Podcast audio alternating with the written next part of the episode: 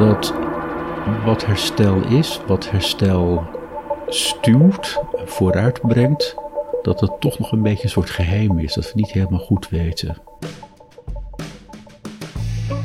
Hallo lieve luisteraar, welkom bij de negende aflevering van Praten over Depressie. Vanwege de coronacrisis zit ik hier vandaag alleen en dus kan ik niet aan Anneleen vragen wie hebben we gesproken. En daarom ga ik het jullie vertellen. Anneleen en ik zijn op bezoek geweest bij het Trimbos Instituut.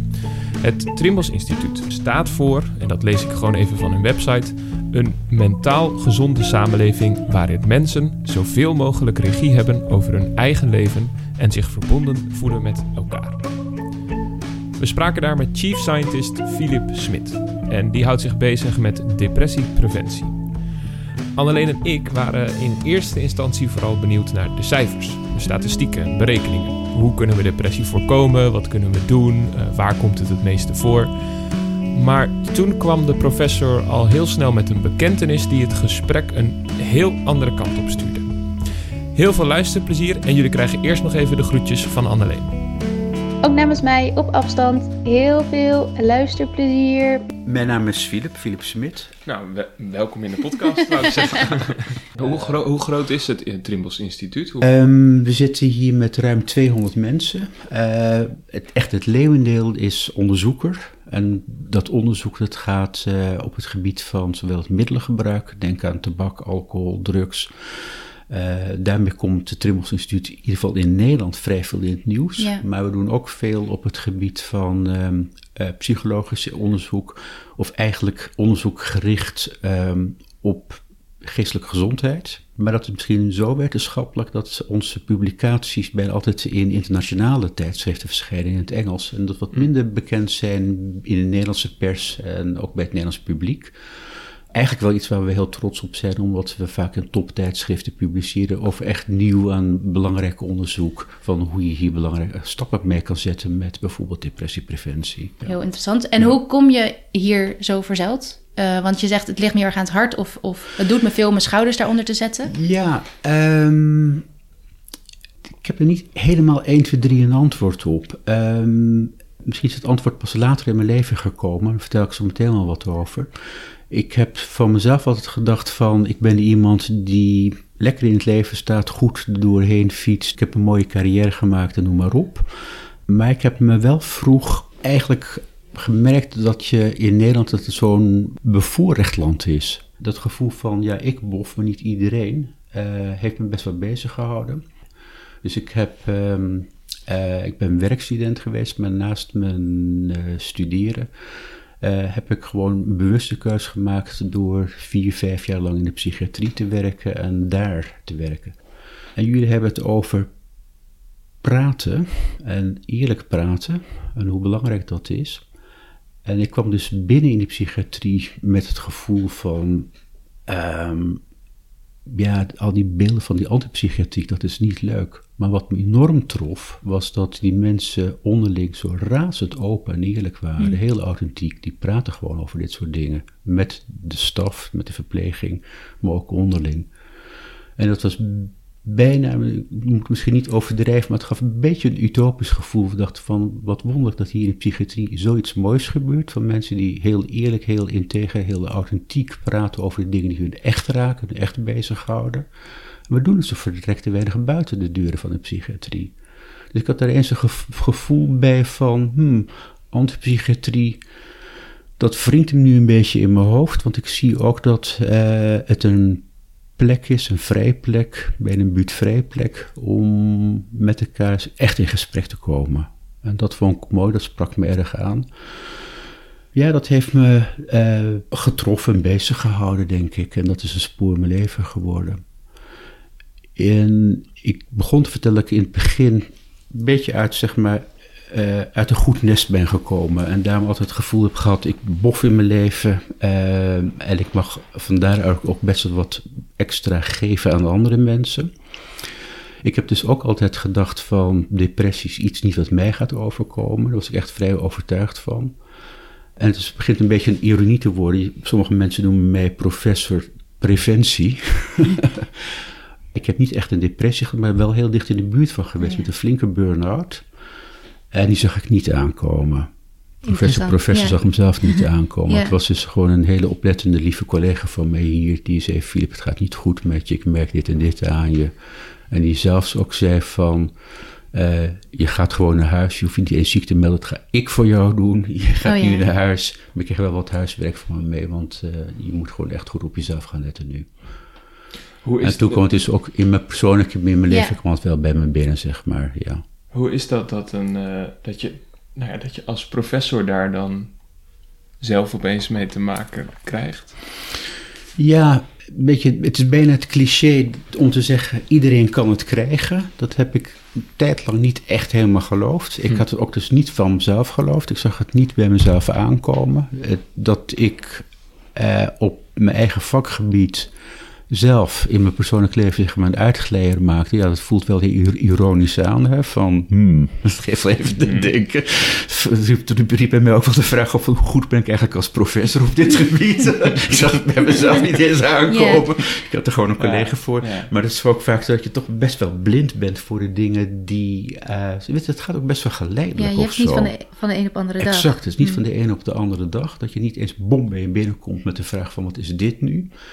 Bij mij kwam het denk ik gewoon, ik heb vanaf pak een beetje met twintig zo behoorlijk hard gewerkt. En dat heeft me veel opgeleverd. Ik ben best wel ergens gekomen.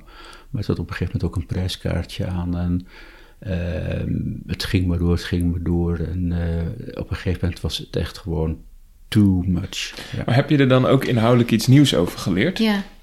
Werden dan de cijfers en de onderzoeken daarna, kregen die een andere lading? Dat is toch Ja, wat je... dat is ja, eigenlijk mijn ja, vraag. Ja. Dat is een goede vraag. Ehm, dat is een goede vraag. Ehm, het, het is natuurlijk maakt een verschil of je zeg maar een outsidersblik op depressie hebt of van binnenuit een keertje daar dicht in de buurt van ben geweest. Ik twijfel nog steeds aan of ik echt depressief ben geweest, dat denk ik niet. Het is een symptoom, hebben we geleerd. Symptoom. maar maar eh, ik heb me wel gewoon behoorlijk rot gevoeld in, een flinke tijd lang. Ehm, ja, veel dingen matchen dan wel wat ik zeg maar professioneel weet en geleerd heb over depressie, eh, bepaalde klachten en symptomen. eh, vooral hoe, hoe het je kan uithollen qua energie. Hoe je motivatie om dingen te doen gewoon compleet het raam uitgaat. Ehm, heb ik het moeilijk gevonden om er toen over te praten. Weet je, hebt een beetje de neiging om wat te gaan kniesoren. Hè? Zachtjes eh, eh, een beetje op je eigen lippen zitten te bijten en na te denken van wat is hier aan de hand. Er zit ook een beetje dat teruggetrokken gedrag in. En dat is natuurlijk tegenovergestelde van praten. Ik heb wel gesproken met mensen erover. Ik ben denk ik ook hier op het Rimbos bij collega's gewoon het open over geweest van de metafaan. Ik heb een burn-out te pakken. Ik was eerst ook heel optimistisch. Ik dacht van jongens, eh, ik, ik, ik ga er goed werk van maken. Misschien ook een beetje een kans in mijn leven. Om eens goed over mezelf na te denken waar ik mee bezig ben. Of al dat harde werken nu echt wel nodig is. En wat het me brengt, maar ook wat het me kost. Privé en in het sociale vlak bijvoorbeeld. Dus ik dacht, het is ook wel een kans om daar eens aan te werken. En ik dacht vooral in het begin van, hmm, over drie of zes weken zie je me weer terug. Nou, nee. ja, je zit te lachen, dat klopt. Je, je denk ik een blik van herkenning. Nee, het waren geen zes weken. eh, het zaten ook geen zes maanden. Het zat meer in de buurt van negen maanden. Eh, althans, toen, wanneer eh, toen de bedrijfsarts op een gegeven moment het bekende klopje op de schouder geeft. Dus joh, het gaat weer goed, succes en hoeven elkaar niet meer te zien. En ik was toen weer helemaal, zeg maar, oké verklaard.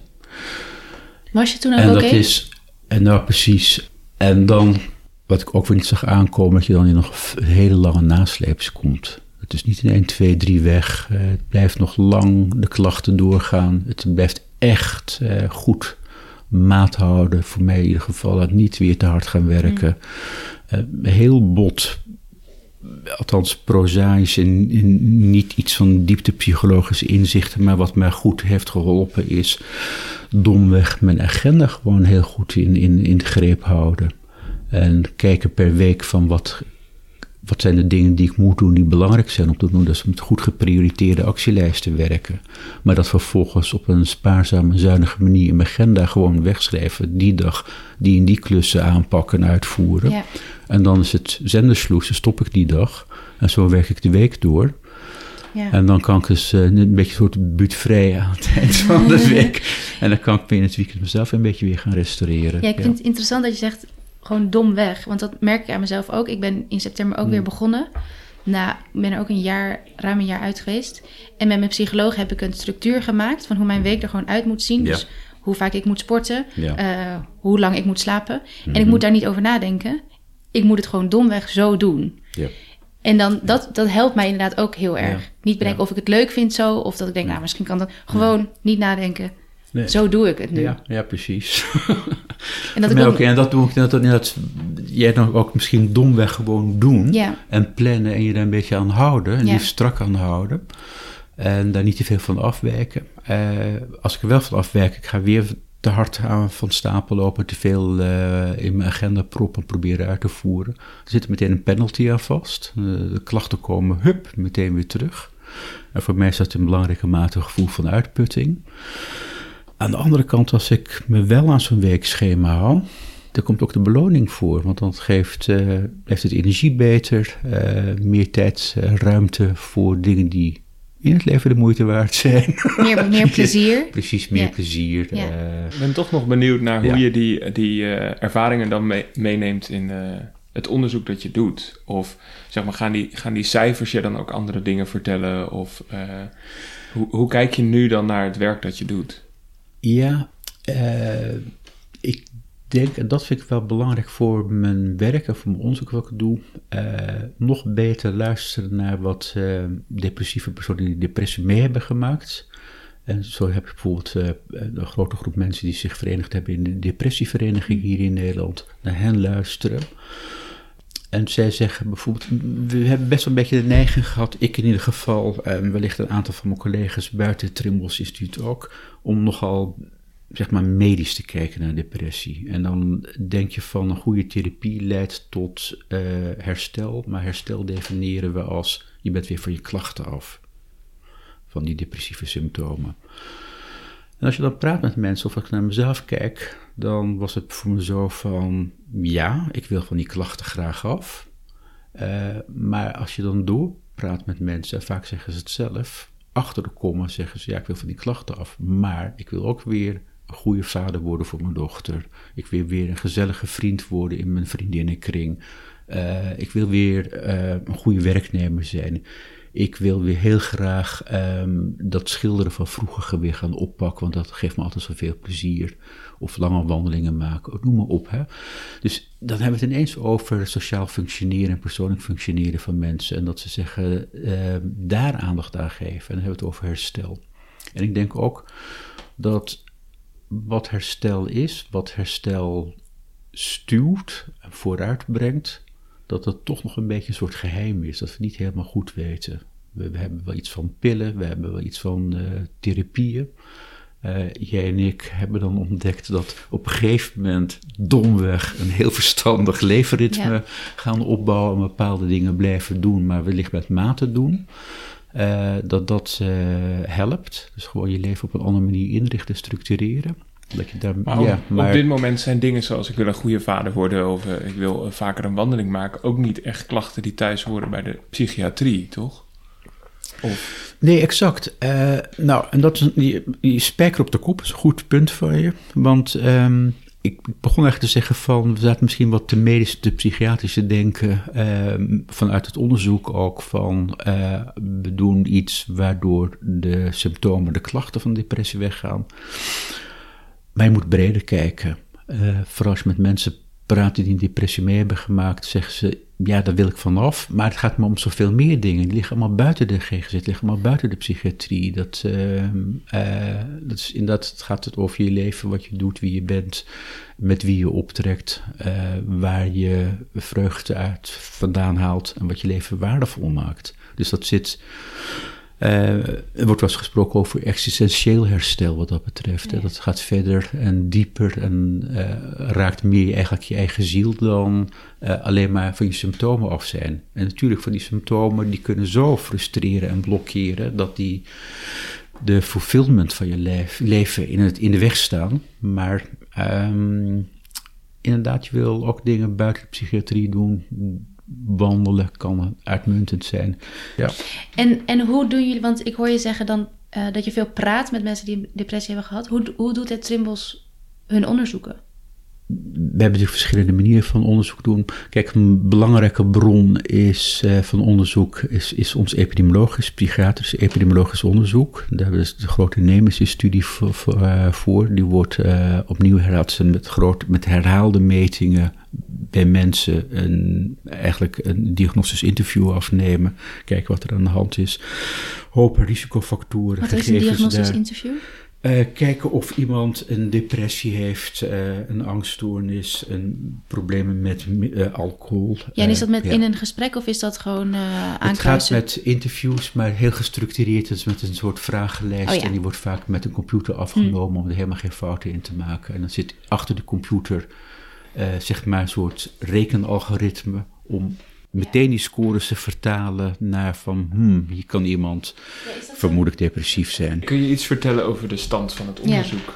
Ja, ja we hebben inmiddels best wel een aantal preventieve interventies die helpen om uh, tot op zekere hoogte althans depressies tegen te houden bij mensen.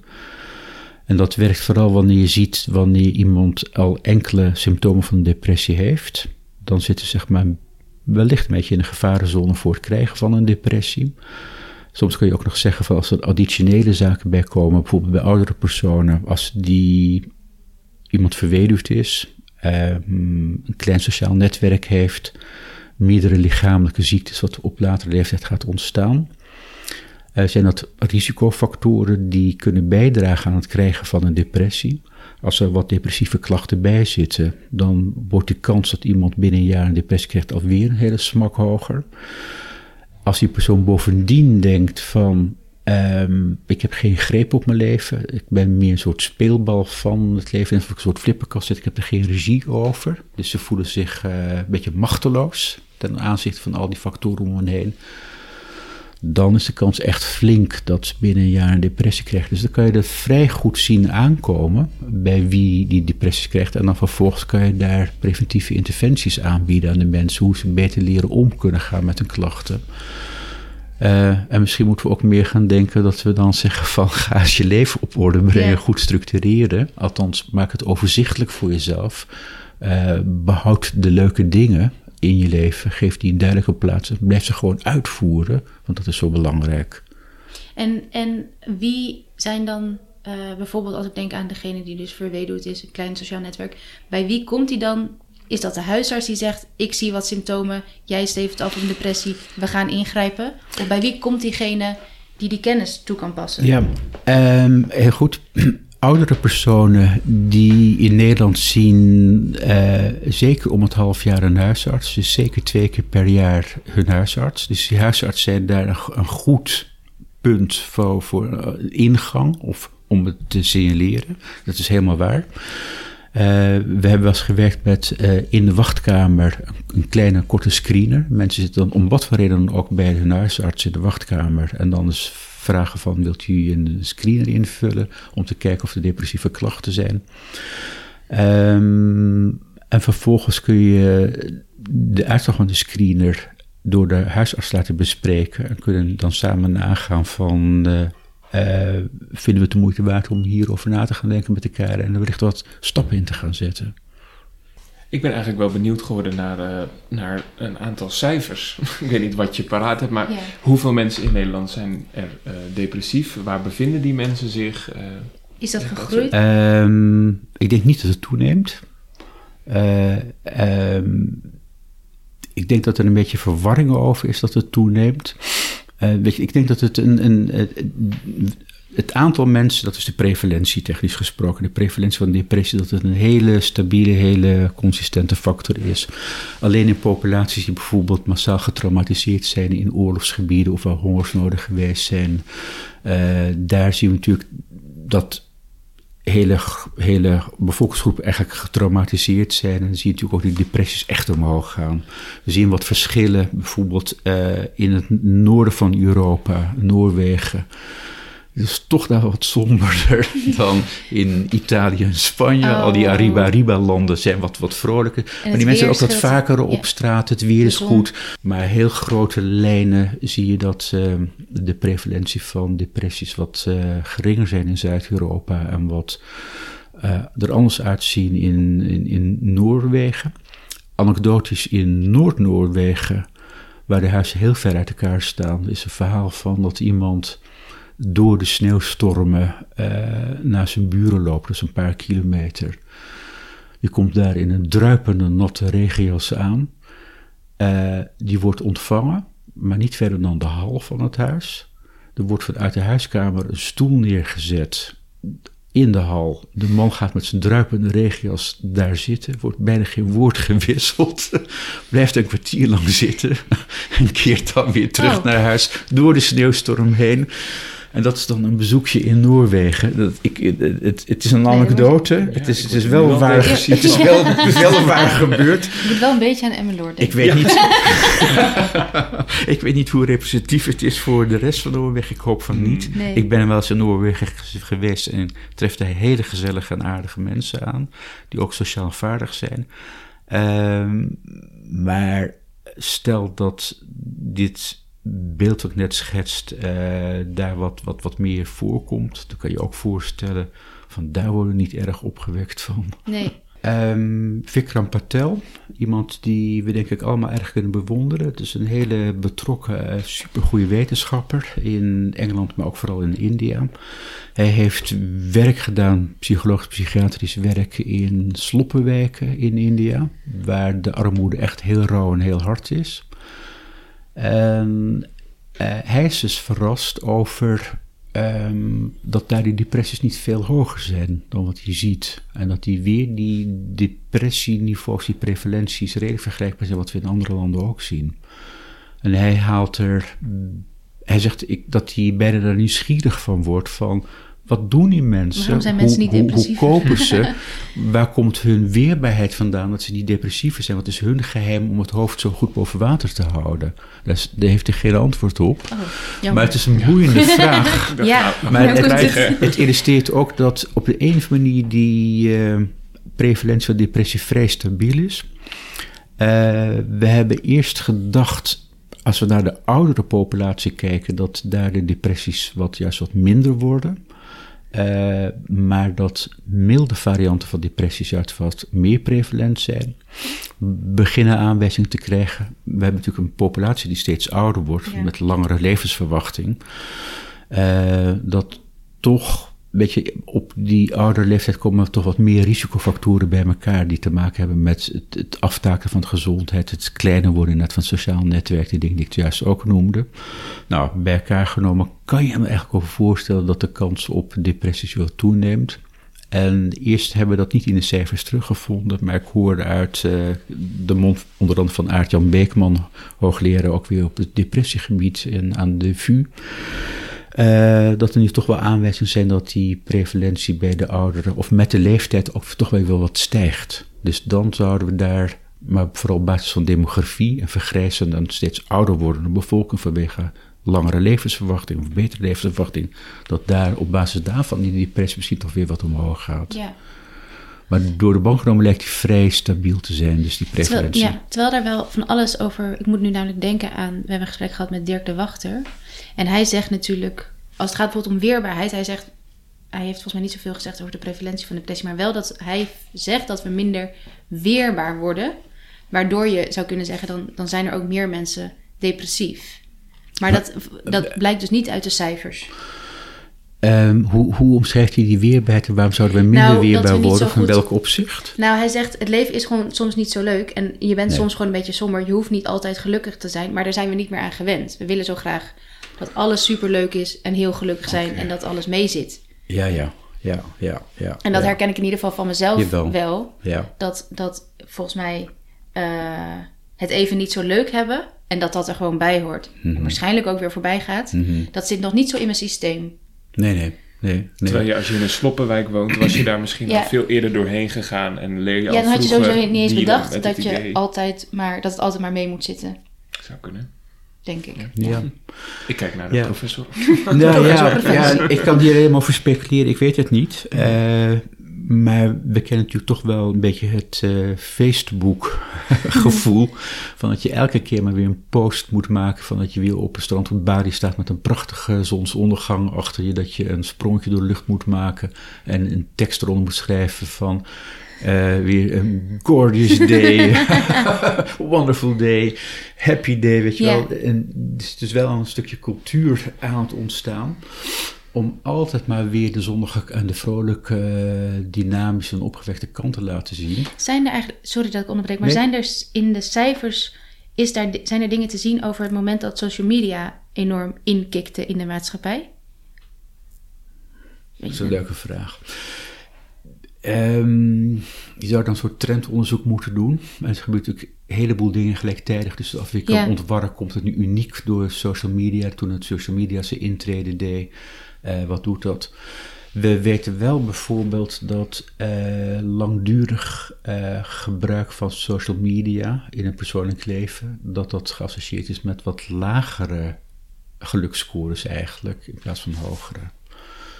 Ik zeg Ja. al, ja, dat weet ik niet. Ik, heb, ik denk altijd gewoon, moet gewoon vooral een beetje leren niks doen. Daar kan ik niet meer Ja. tegen. Ik vind het irritant dat ik niet meer niks kan doen, omdat ik altijd gewoon mijn telefoon heb. Ja. En daardoor, en dan eigenlijk, je kan dus Ja. heel lang, Nou, je Ja. kan heel goed heel lang Ja. vluchten voor bepaalde gevoelens. ja.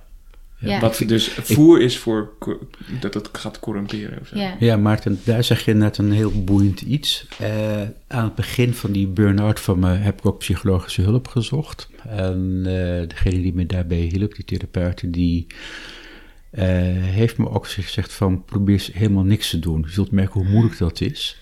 Maar het waren momenten waar ik echt wel van genoten heb. Dat ik gewoon eens in de, thuis, eh, in de tuin zat. Ehm, en puur alleen even de stilte om me heen laten, op me in laten werken, niks doen. Dus niet naar een iPad grijpen. Eh, wat me wel eens hielp is gewoon de kat op schoot nemen. Lekker pluisbeest wat je vriendelijk terug aankijkt, weet je wel. En dan kun je heel erg in het hier en nu en in de eigen ervaring blijven. Weinig afleiding, misschien alleen de kat, maar ook soms helemaal niet.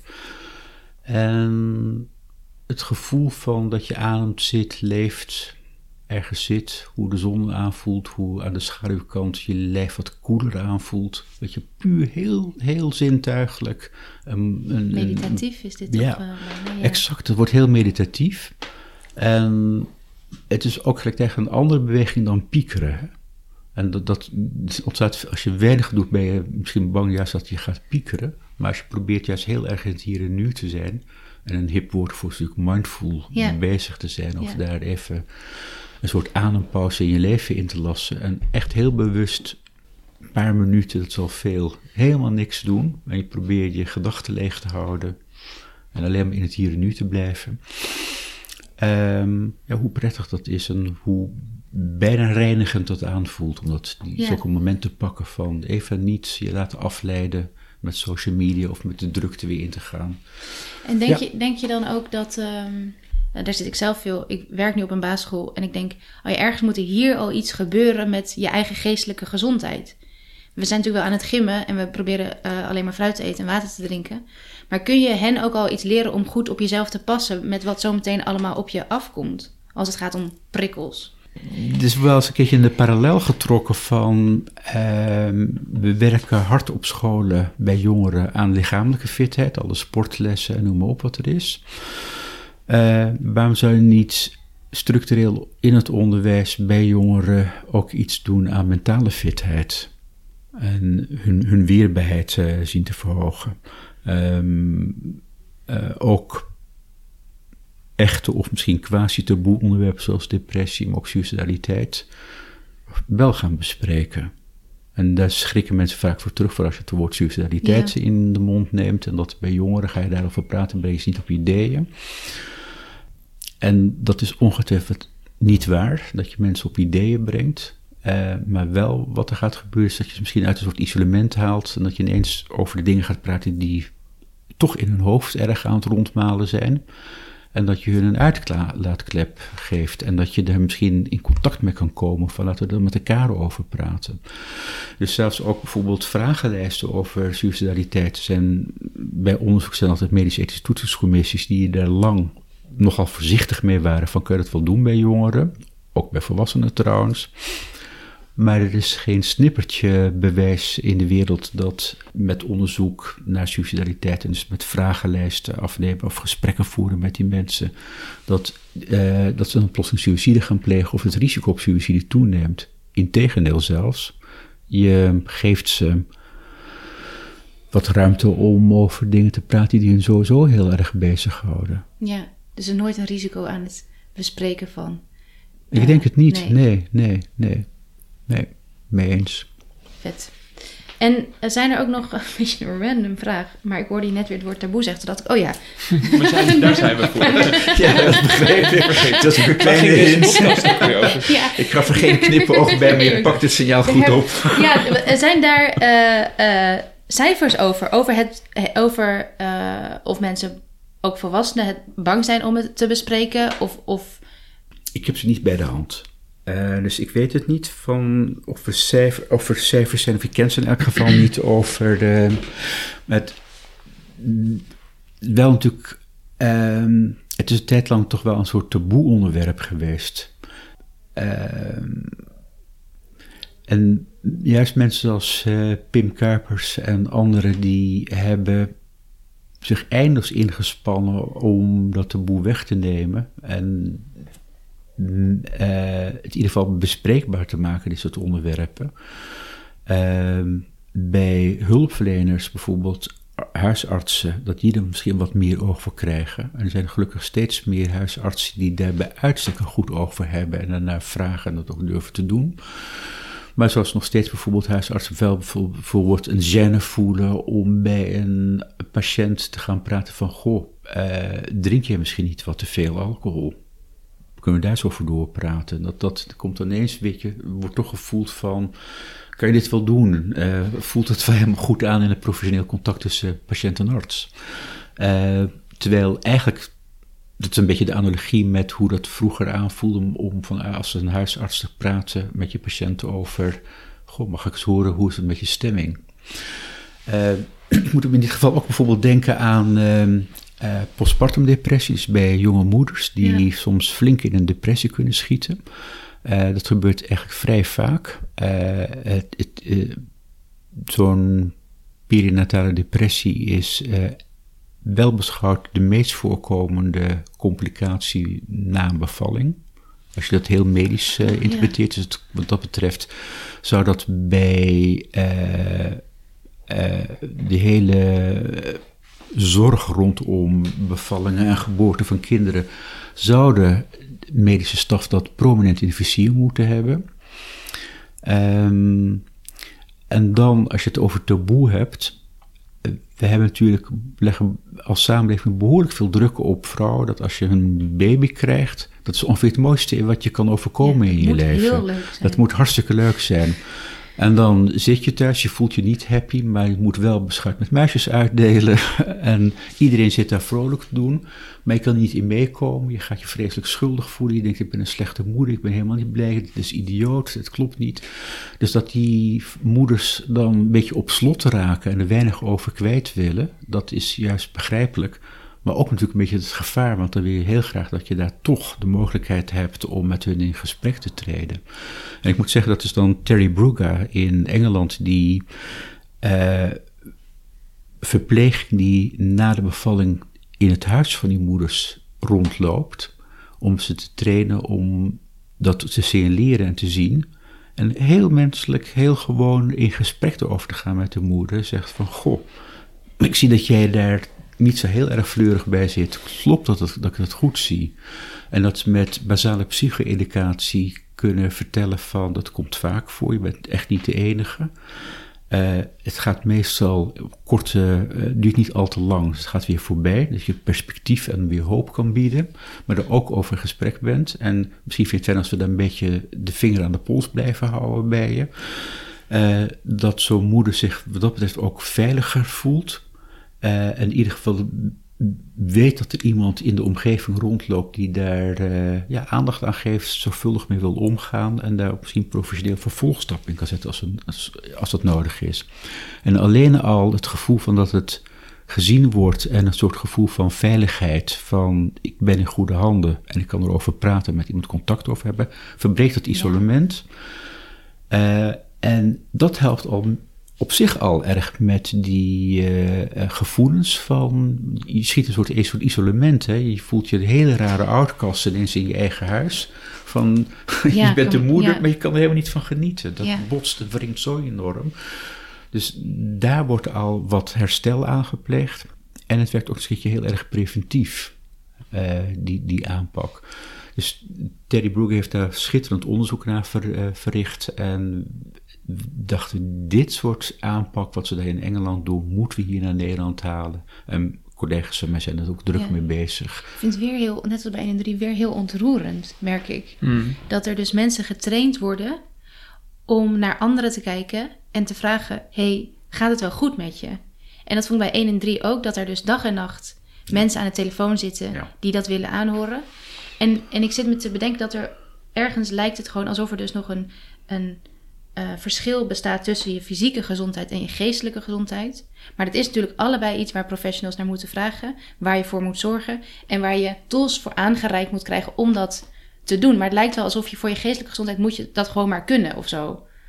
En het is blijkbaar niet zo, want heel veel dat gaat nog, je wordt nog wel eens depressief zonder dat je uh, dat hebt gewild of zonder mm -hmm. dat je dat hebt aanzien komen zelfs. Mm -hmm.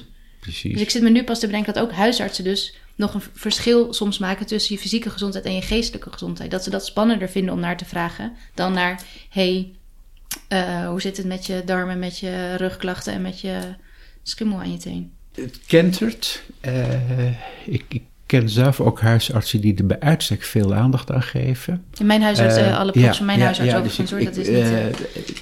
wat dat betreft echt de duim flink omhoog voor die. Maar zijn natuurlijk ook we, zeggen wel eens een beetje wat meer ouderwetse artsen of artsen die daar uh, toch heel erg zeggen: ik ben van het medisch en ik ben van de behandeling. En ook niet bijvoorbeeld van preventie, want dan is er nog niks aan de hand. Dus daar ga ik mijn tijd niet aan geven. Oh ja. Ja.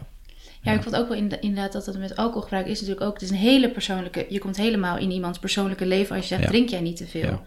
Maar het gaat gewoon over iemands fysieke en geestelijke gezondheid. Dus Klopt. dat mag je als huisarts ja. Uh, vragen, denk ik. Maar ja.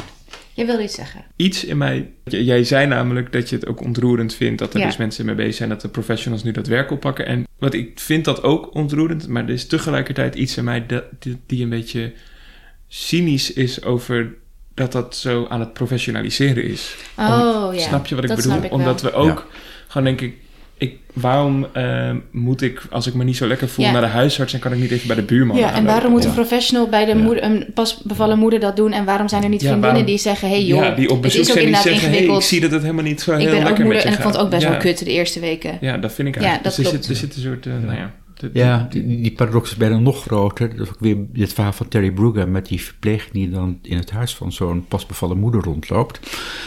Um, die moeten bijna getraind worden om er niet professioneel om te gaan, maar juist gewoon heel duidelijk, puur domweg, medemenselijk aandacht te geven, even te vragen. Het enige wat die verpleging dan nodig heeft, kennelijk, is een duwtje van: doe dat nu maar gewoon. Je gaat niet de mist in als je dat doet. Ze krijgen een hele elementaire uh, training in cognitief gedragstherapeutische technieken.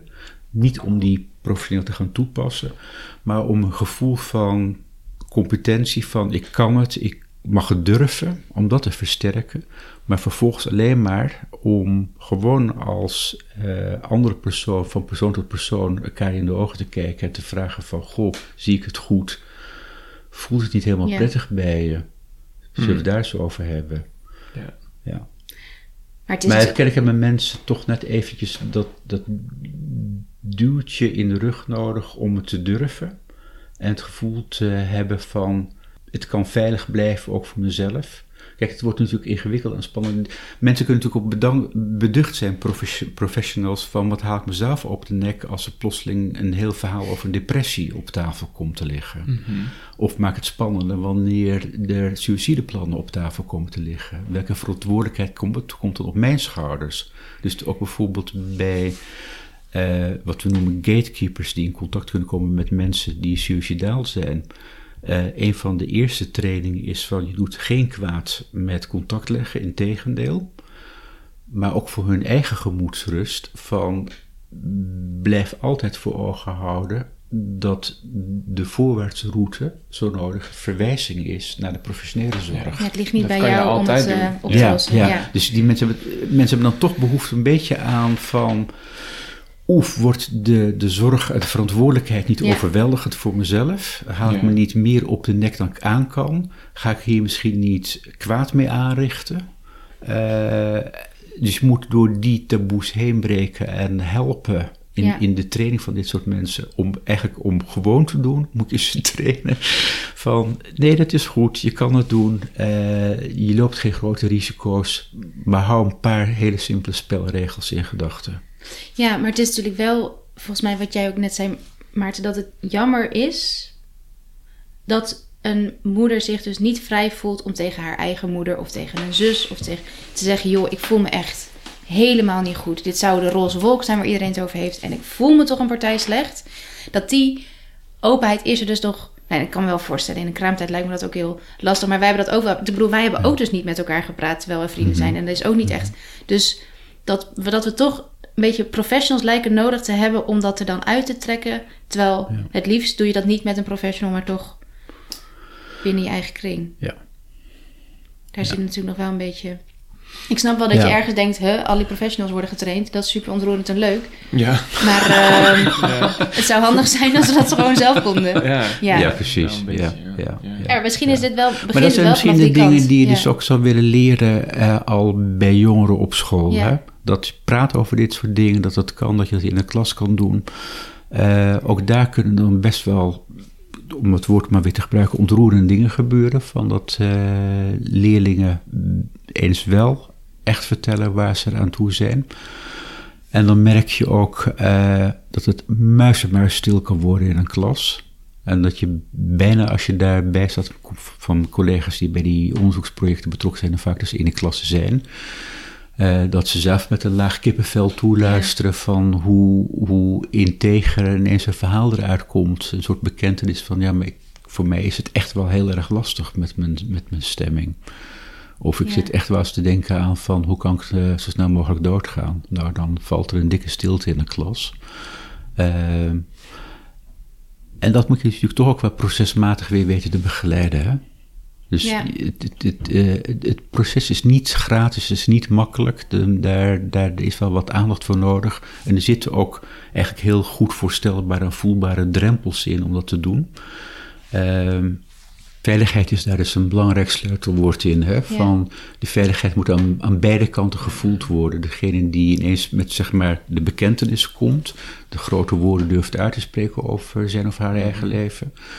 Maar die veiligheid moet ook dus in de omgeving aanwezig zijn van om daar op te reageren, dat aan te horen en te weten met elkaar van hier kunnen we goed mee doorgaan. Ik ben eigenlijk nu heel benieuwd naar alle onderzoeken en zijn die leesbaar voor een leek als ik, ik heb kunstgeschiedenis gestudeerd. Mooi. Ja, heel leuk. Maar kan ik, ben ik capabel om dat soort onderzoeken van Trimmels te lezen of is dat allemaal super wetenschappelijk niet leesbaar? Wat, uh, je, op onze website heb je een heleboel korte factsheets. Oh ja. Uh, ook soms wat we noemen strategische verkenningen. Dat proberen, factsheets hou je dus heel erg bij de feiten. Strategische verkenningen yeah. probeer je juist te denken van waar zou het naartoe kunnen oh, gaan? Ja. Wat zouden we kunnen doen? Die vind je op onze website. Een heleboel kan je downloaden. Ja, dat lijkt me heel leuk Ik om... Ook een paar uh, uitgeprint, dus die kun je uh, bekijken meenemen. Super. Dus dan heb je ook de, de cijfers staan daarin. Je Ja. moet even kijken naar het jaartal van de uitgave Ja. van de factsheet. Er zit soms ook wat oudere tussen. Die grijpen dan inherent naar oudere cijfers terug. Ja. Dat wij weer wat nieuwe Het lijkt me inderdaad heel leuk cijfers om hebben. uh, in de studio dat is wat. Uh, want dit soort feit over in gewoon het Noorwegen en Italië. Zeg maar, het zijn gewoon leuke... Ik, vind het gewoon, ik hou van feitjes. Ik vind het gewoon interessant. Ja. Helemaal als het over Ja. depressie gaat. Over depressie, Ja. door. Dat zijn Ja. mijn lievelingsonderwerpen. Mijn lievelingsfeiten. Ja. Ja. Maar super bedankt, eh, Filip. Ja, ik vond het echt bedankt. een machtig interessant gesprek. Ja. Veel dank aan jullie. Ja. Nogmaals, ik, eh, ik probeer het aan te geven. Ik voel er iets altruïstisch in, want jullie brengen toch betekenis terug in, in, in, in, in de wereld met die podcast. Eh, en het, ik beschouw het als een soort ombuiging Ja. en een waardegeving aan wat jullie zelf meegemaakt hebben. En dat jullie dat delen op deze manier vind ik echt heel bijzonder. Fijn. Ja. Tof om te horen. Heb jij een vraag over depressie en zou je willen dat Maarten en ik dit gaan onderzoeken? Mail naar info.pratenoverdepressie.nl of laat een bericht achter op onze Facebookpagina. Abonneer je op onze podcast en laat een review achter. We zijn heel benieuwd naar je mening en je vergroot daarmee ons bereik.